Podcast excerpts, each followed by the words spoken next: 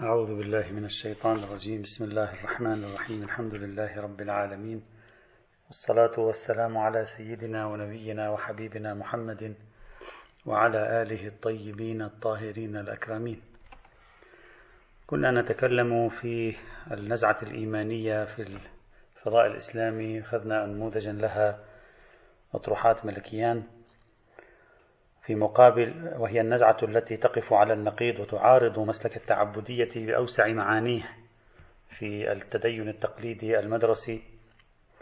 قلنا لابد أن نبحث في عدة آه، ملفات. وصلنا إلى الملف السادس والأخير خصائص الإنسان المعنوي.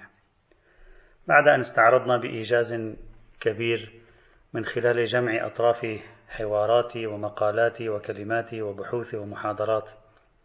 الدكتور ملكيان في أهم النقاط طبعا نختم بالحديث عن خصائص وسمات الإنسان المعنوي وما هي الأشياء التي تجعل الإنسان المعنوي المتدين المعنوي مختلفا عن سائر المتدينين؟ أبرز خصائصه التي تميزه عن سائر المتدينين في العالم. يمكن أن نستخرج مهم هذه الميزات وهي أربعة.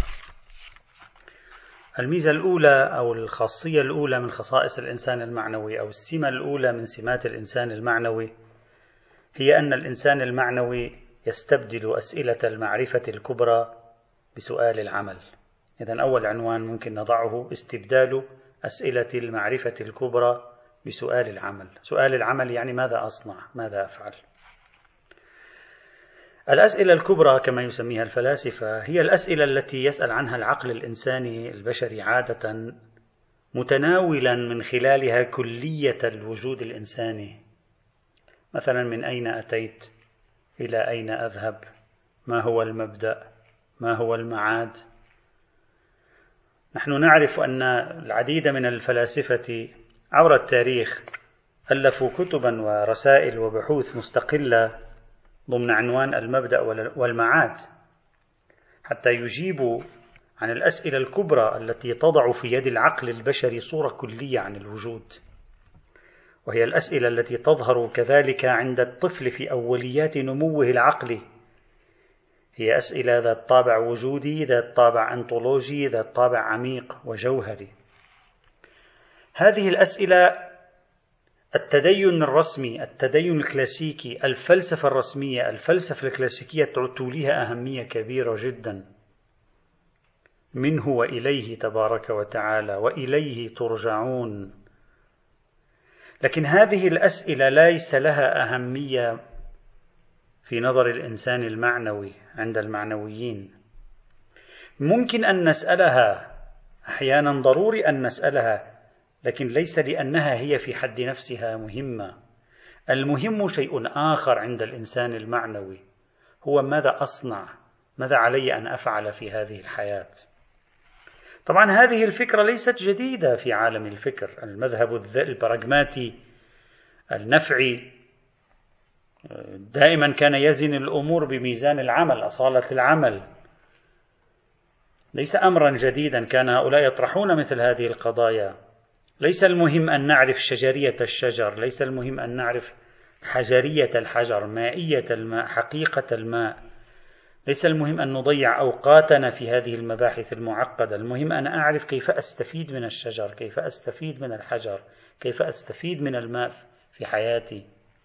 المهم هو كيفية التعامل مع الظواهر كيفية التعامل مع الأشياء من حولنا. أما ماهية هذه الأشياء حقيقة هذه الأشياء ليست مهمة.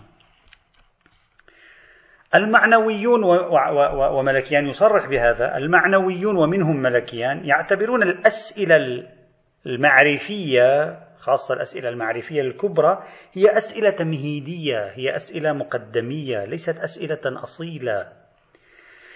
الإنسان يسأل عن هذه الأشياء عن حقائق الأشياء عن المبدأ والمعاد ليس لأنها مهمة في حد نفسها بل لأجل أن يحدد ماذا يجب عليه أن يفعل.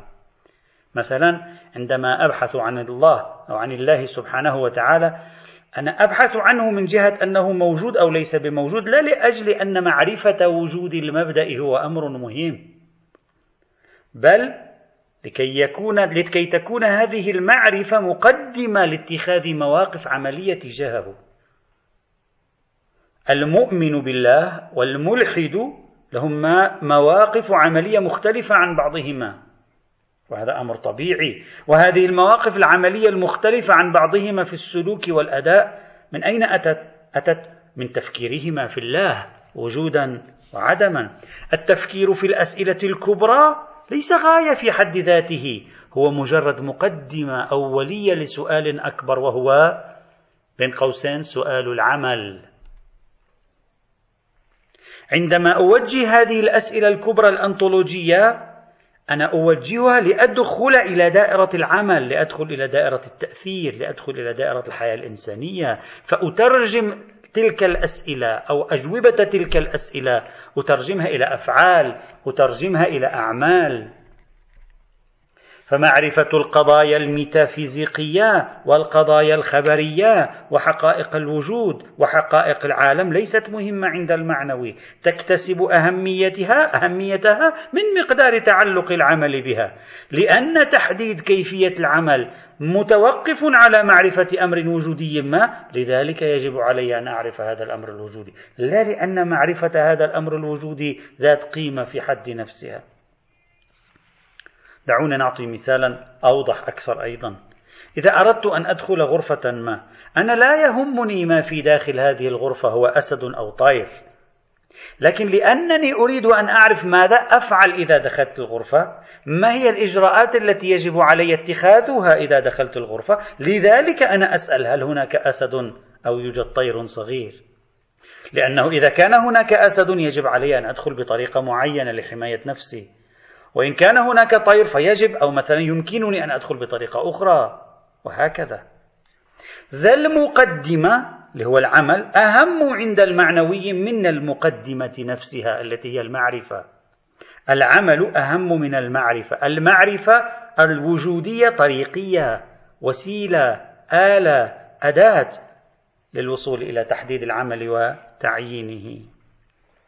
الإنسان المعنوي لا يهمه كثيرا في الحياة أن يبحث في أصالة الوجود وأصالة الماهية هل الوجود مشترك لفظي أو أو معنوي كما في الفلسفة.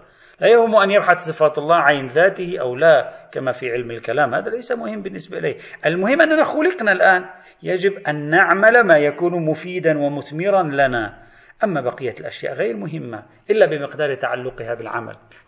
هذا الكلام عندما نقوله إخواني الأعزاء يقف على الطرف الآخر كما سوف أشير لاحقا من بعض التيارات الفلسفية الدينية التي تعتبر المعرفة بحد نفسها كمالا. هنا لا المعرفة في حد نفسها لا قيمة لها. بعبارة مختصرة أخيرة في الخاصية الأولى من خصائص الإنسان المعنوي أو السمة الأولى من سمات الإنسان المعنوي الإنسان المعنوي إنسان عملي وليس نظريا. ولك أن تقول العقل المعنوي عقل عملي. ليس عقلا نظريا محضا خالصا. هذه السمة الأولى. إذا استبدال أسئلة المعرفة الكبرى بسؤال العمل وسائر الأسئلة خاضعة لسؤال العمل تابعة لسؤال العمل. الخاصية أو السمة الثانية من سمات الإنسان المعنوي. سأضعها تحت عنوان الإنسان المعنوي نقيض الإنسان العدمي والعبثي. وليس نقيض الملحد. المعنويون هكذا يقرون الأشياء يقول نحن لسنا في مقابل الإلحاد. لسنا في مقابل الملحد. أصلا المعنوي لا يريد حذف الإلحاد من العالم. أصلا ليست لديه مشكلة مع الإلحاد. مشكلته مع من؟ مشكلة الإنسان المشكلة المعنوي هي مع العبثي. هي مع العبثية والعدمية. هو في مقابل الإنسان العدمي العابث الذي لا قيم عنده لا مثل عليا عنده. ليس عنده هدف في الحياة يضحي من أجله. هذه هي مشكلة الإنسان المعاصر عند ملكيان وعند المعنويين. الإنسان المعنوي أطروحة مشروع عمل مشروع وجود مشروع فعل. في مقابل الإنسان العبثي العدمي الذي هو مشروع لا مبالاة مشروع عدمية لا قيمة لي لا أهمية لي لا ينبغي لي أن أعمل شيئا. أنا مجرد حشرة في هذا الوجود العظيم كما يقول العدميون والعبثيون. إذا المعنوية في مقابل العبثية والعدمية. العبثية والعدمية معضلة الإنسان المعاصر وليست المعنوية عند المعنويين في مقابل الإلحاد. لاحظوا معي جيدا. في الإسلام مثلا ومثل سائر الأديان أيضا أكثر الأديان. في الإسلام مثلا عندما أنت تطرح الدين أنت تطرح مجموعة أشياء. في مقابلك من هو؟ الكافر الملحد. هذا أمر بي واضح. من هنا يتبين الاختلاف العميق والكبير بين المتدين المسلم المدرسي الكلاسيكي المتدين المسيحي المدرسي الكلاسيكي والمتدين المعنوي. المتدين المدرسي الكلاسيكي في سائر الأديان يشترك مع المتدين المعنوي في أنهما معا في مقابل العبثية والعدمية. لكنهما يختلفان عن بعضهما في أنهما ليسا في مقابل الكفر والإلحاد. وهذه نقطة مهمة تميزهما عن بعضهما وتفصل الإنسان المعنوي عن سائر المتدينين في فريقه. السمة الثالثة. سأضعها تحت عنوان الإنسان المعنوي ذو حياة أصيلة غير مستعارة. هذه السمة جديرة أن نلتفت إليها يستشهد لها المعنويون ومنهم ملكيان بالكثير من أقوال علماء التربية وعلماء النفس الغربيين. يقولون لاحظوا معي جيدا هناك أربعة أشياء يجب علينا أن نلتفت إليها. ونحن نفتح علاقة مع أنفسنا ومع العالم. واحد صورتي عند نفسي. يعني الصورة التي كونتها أنا عن نفسي. اثنين صورتي عند غيري. يعني الصورة التي كونها غيري عني. ثلاثة صورة غيري عند نفسه. هو الصورة التي كونها عن نفسه عنده. أربعة صورة غيري في نفسي. أي الصورة التي أنا كونتها عن غيري في نفسي. هذه أربع صور. إلى جانب هذه الأربع صور في الواقع لأن الإنسان ممكن يأخذ صورة عن نفسه تكون مطابقة للواقع وقد لا تكون مطابقة ممكن أخذ صورة عن غيري تكون مطابقة للواقع وقد لا تكون مطابقة للواقع. في كثير من الأحيان غيرك يعرفك أكثر منك يقومك أكثر منك. أنت مثلا إنسان محبط عندك عقدة حقارة تصنف نفسك على أنك ذكي على أنك غبي لكن الآخرون يعرفون أكثر الآخرين يعرفون أكثر منك أنك إنسان ذكي أو العكس وهكذا. صورة الإنسان عن نفسه قد تتطابق مع الواقع وقد لا تتطابق مع الواقع. صورة غيره عنده قد تتطابق مع الواقع وقد لا تتطابق مع الواقع. كذلك صورتي عند غيري قد تتطابق مع الواقع وقد لا تتطابق. صورة غيري عند نفسه قد تتطابق مع الواقع وقد لا تتطابق مع الواقع. نحن مثلا قد نتصور أن فلانا غير ذكي لكن في الواقع هو ذكي. قد نتصور أن فلانا خبيث لكنه في الواقع من أطيب الناس. الأمر كذلك في باب الحب والعشق. الآن أرجو الانتباه. هنا المدخل. أنت عندما تحب فتاة أنت تحب صورة لها حملتها عنها. صورة الجميلة المهذبة الذكية. هذا يعني أنك تحب في الحقيقة وتعشق الصورة التي تحملها عن المحبوب. دون المعشوق الحقيقي الواقعي لأن في كثير من الأحيان قد لا تتطابق تلك الصورة مع معشوقك الواقعي الحقيقي.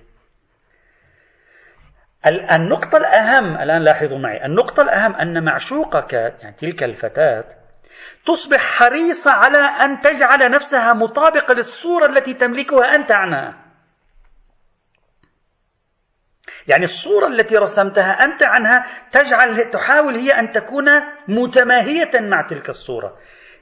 تكسب شخ... تظهر شخصية غير شخصيتها الواقعية حتى تتطابق الصورة التي في ذهنك مع واقعها تغير نفسها لكي تصبح متطابقة مع الصورة.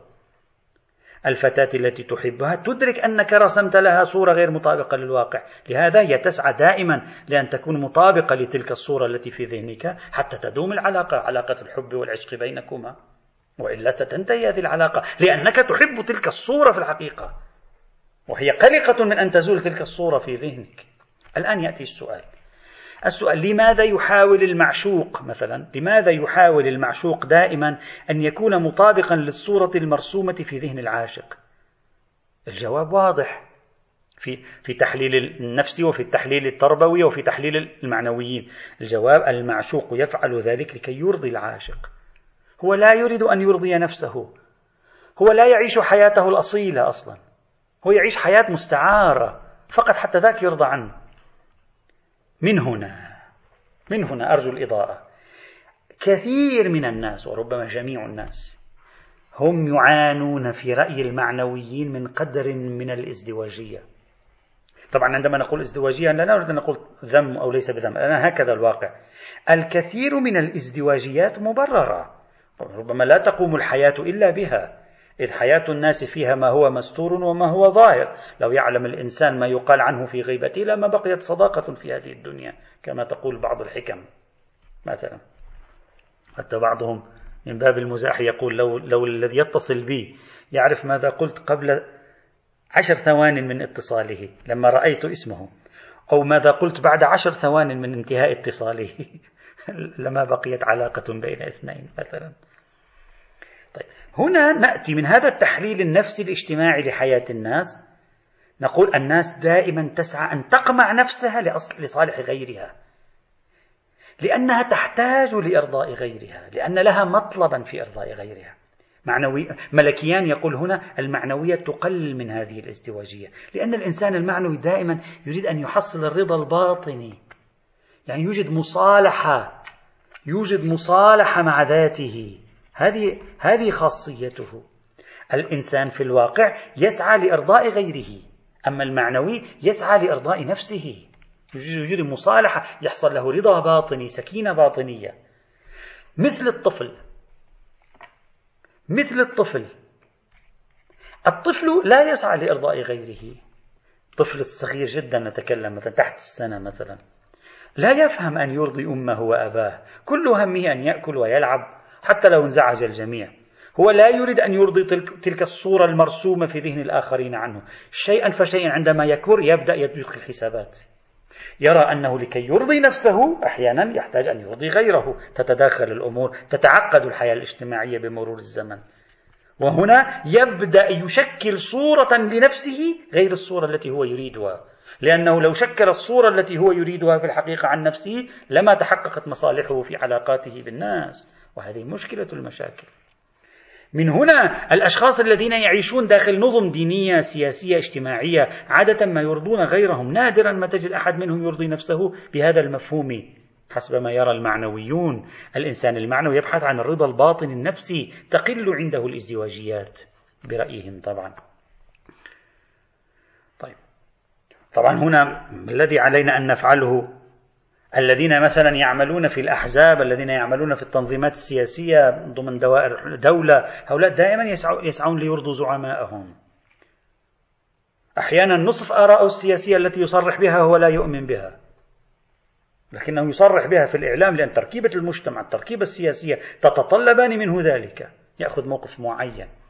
أحيانا التوازنات السلطوية توازنات القوة في المجتمع على المستوى السياسي على المستوى الاجتماعي على المستوى العشائري والقبلي على مستوى الاقتصادي وغير ذلك. تفرض عليه أن يظهر شخصية مختلفة ويعطي مواقف مختلفة عن مواقفه الحقيقية. هذه الازدواجيات التي يعاني.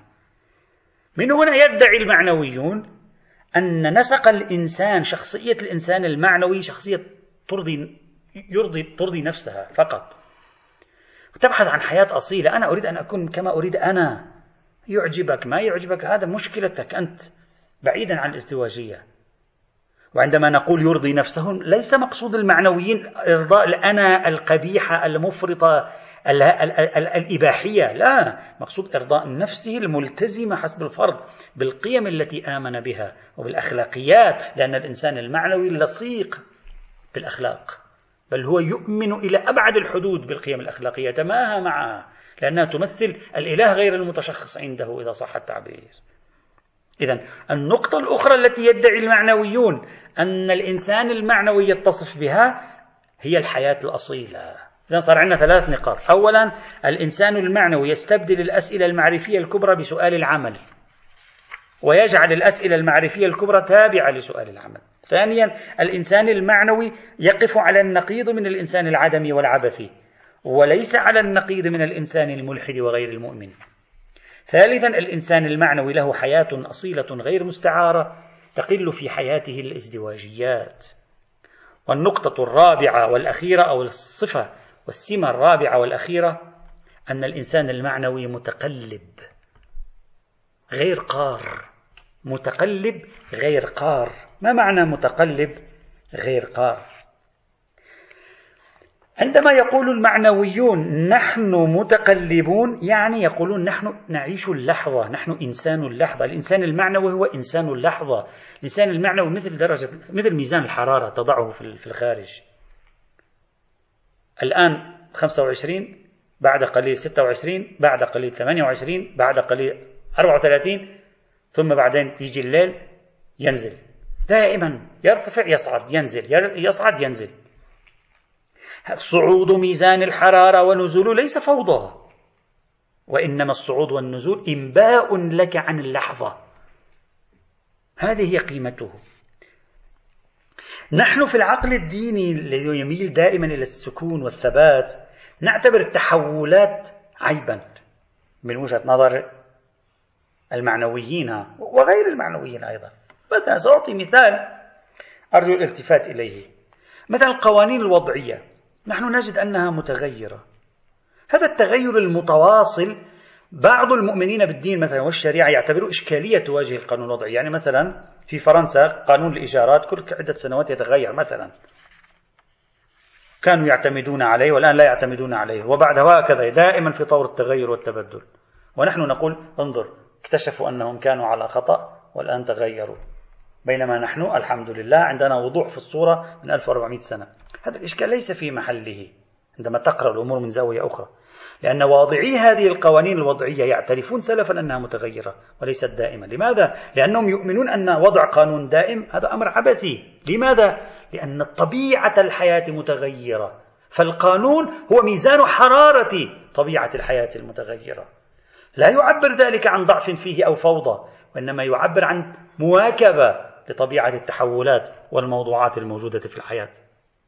هنا يقول المعنويون الإنسان المعنوي متحرر من قيود الماضي والمستقبل. الإنسان المعنوي إنسان الحاضر فارغ البال من تبعات الماضي فارغ البال من هموم المستقبل. لذلك لا يعاب عليه أنه ممكن يغير رأيه. يحدث عنده تحولات. تحولات أمر طبيعي بالنسبة إليه. ليست ليس فيها مشكلة أبدا. ليس إنسانا سكونيا استاتيكيا جامدا. هو لأن لماذا؟ لأنه اندمج في الحداثة. كما رأينا هو مؤمن بالحداثة. الاندماج في الحداثة يستدعي كل هذه التحولات. الإنسان المعنوي ليس لديه نمط حياة ثابت ليس لديه صيغة عيش ثابتة. هو ابن اللحظة يعيش مع الأوضاع. نعم لديه قيم يعيشها. لديه تجارب روحية يعيشها باستمرار. إذا ادعاء المعنويين أن الإنسان المعنوي له خصائص تختلف عن الإنسان المتدين الآخر. الإنسان المتدين الآخر كثيرا ما يتكلم. الإنسان المتدين الآخر كثيرا ما يتكلم في الأسئلة الوجودية الكبرى بينما الإنسان المعنوي لا تهمه الأسئلة الوجودية الكبرى. لا تهمه الأسئلة الوجودية الكبرى. يعني السعة الوجودية هذه لا تهمه إطلاقا. الإنسان المعنوي معارض للعدمية والعبثية ليس معارضا للإلحاد. الإنسان المتدين يقف في مقابل الإلحاد. الإنسان المعنوي له حياة أصيلة. الإنسان المتدين غير المعنوي له حياة مستعارة غير أصيل. دائما هو محكوم بالنظم الاجتماعية التي تضعها الشريعة وأمثال ذلك. وأخيرا الإنسان المعنوي إنسان متقلب غير قار متقلب غير قار لأنه إنسان حداثي ابن اللحظة فهو دائما في حال من السيالية. أما الإنسان المتدين الآخر المتدين الآخر تجده بخل... طبعا يعني هذا بخلاف المتدين الآخر. الإنسان المتدين الآخر تجده نمط حياته راكد. يعيش يبقى يعيش بنفس السيستم سبعين سنة. ما يتحول ما. التحول عنده صعب الانعطاف عنده صعب. بصعوبة يغير رأيه بصعوبة يغير نمط عيشه بصعوبة يغير أداءه بينما الإنسان المعنوي لا عادي جدا ممكن غدا يغير أداؤه ممكن بعد غدا يغير إلى مرحلة ثالثة لأنه كباقي الحداثيين الذين ما عندهم مشكلة في التحول والتغير. وهذه نقطة. إذا هذه خلاصة أردت أن أقدمها من مجموع أطروحات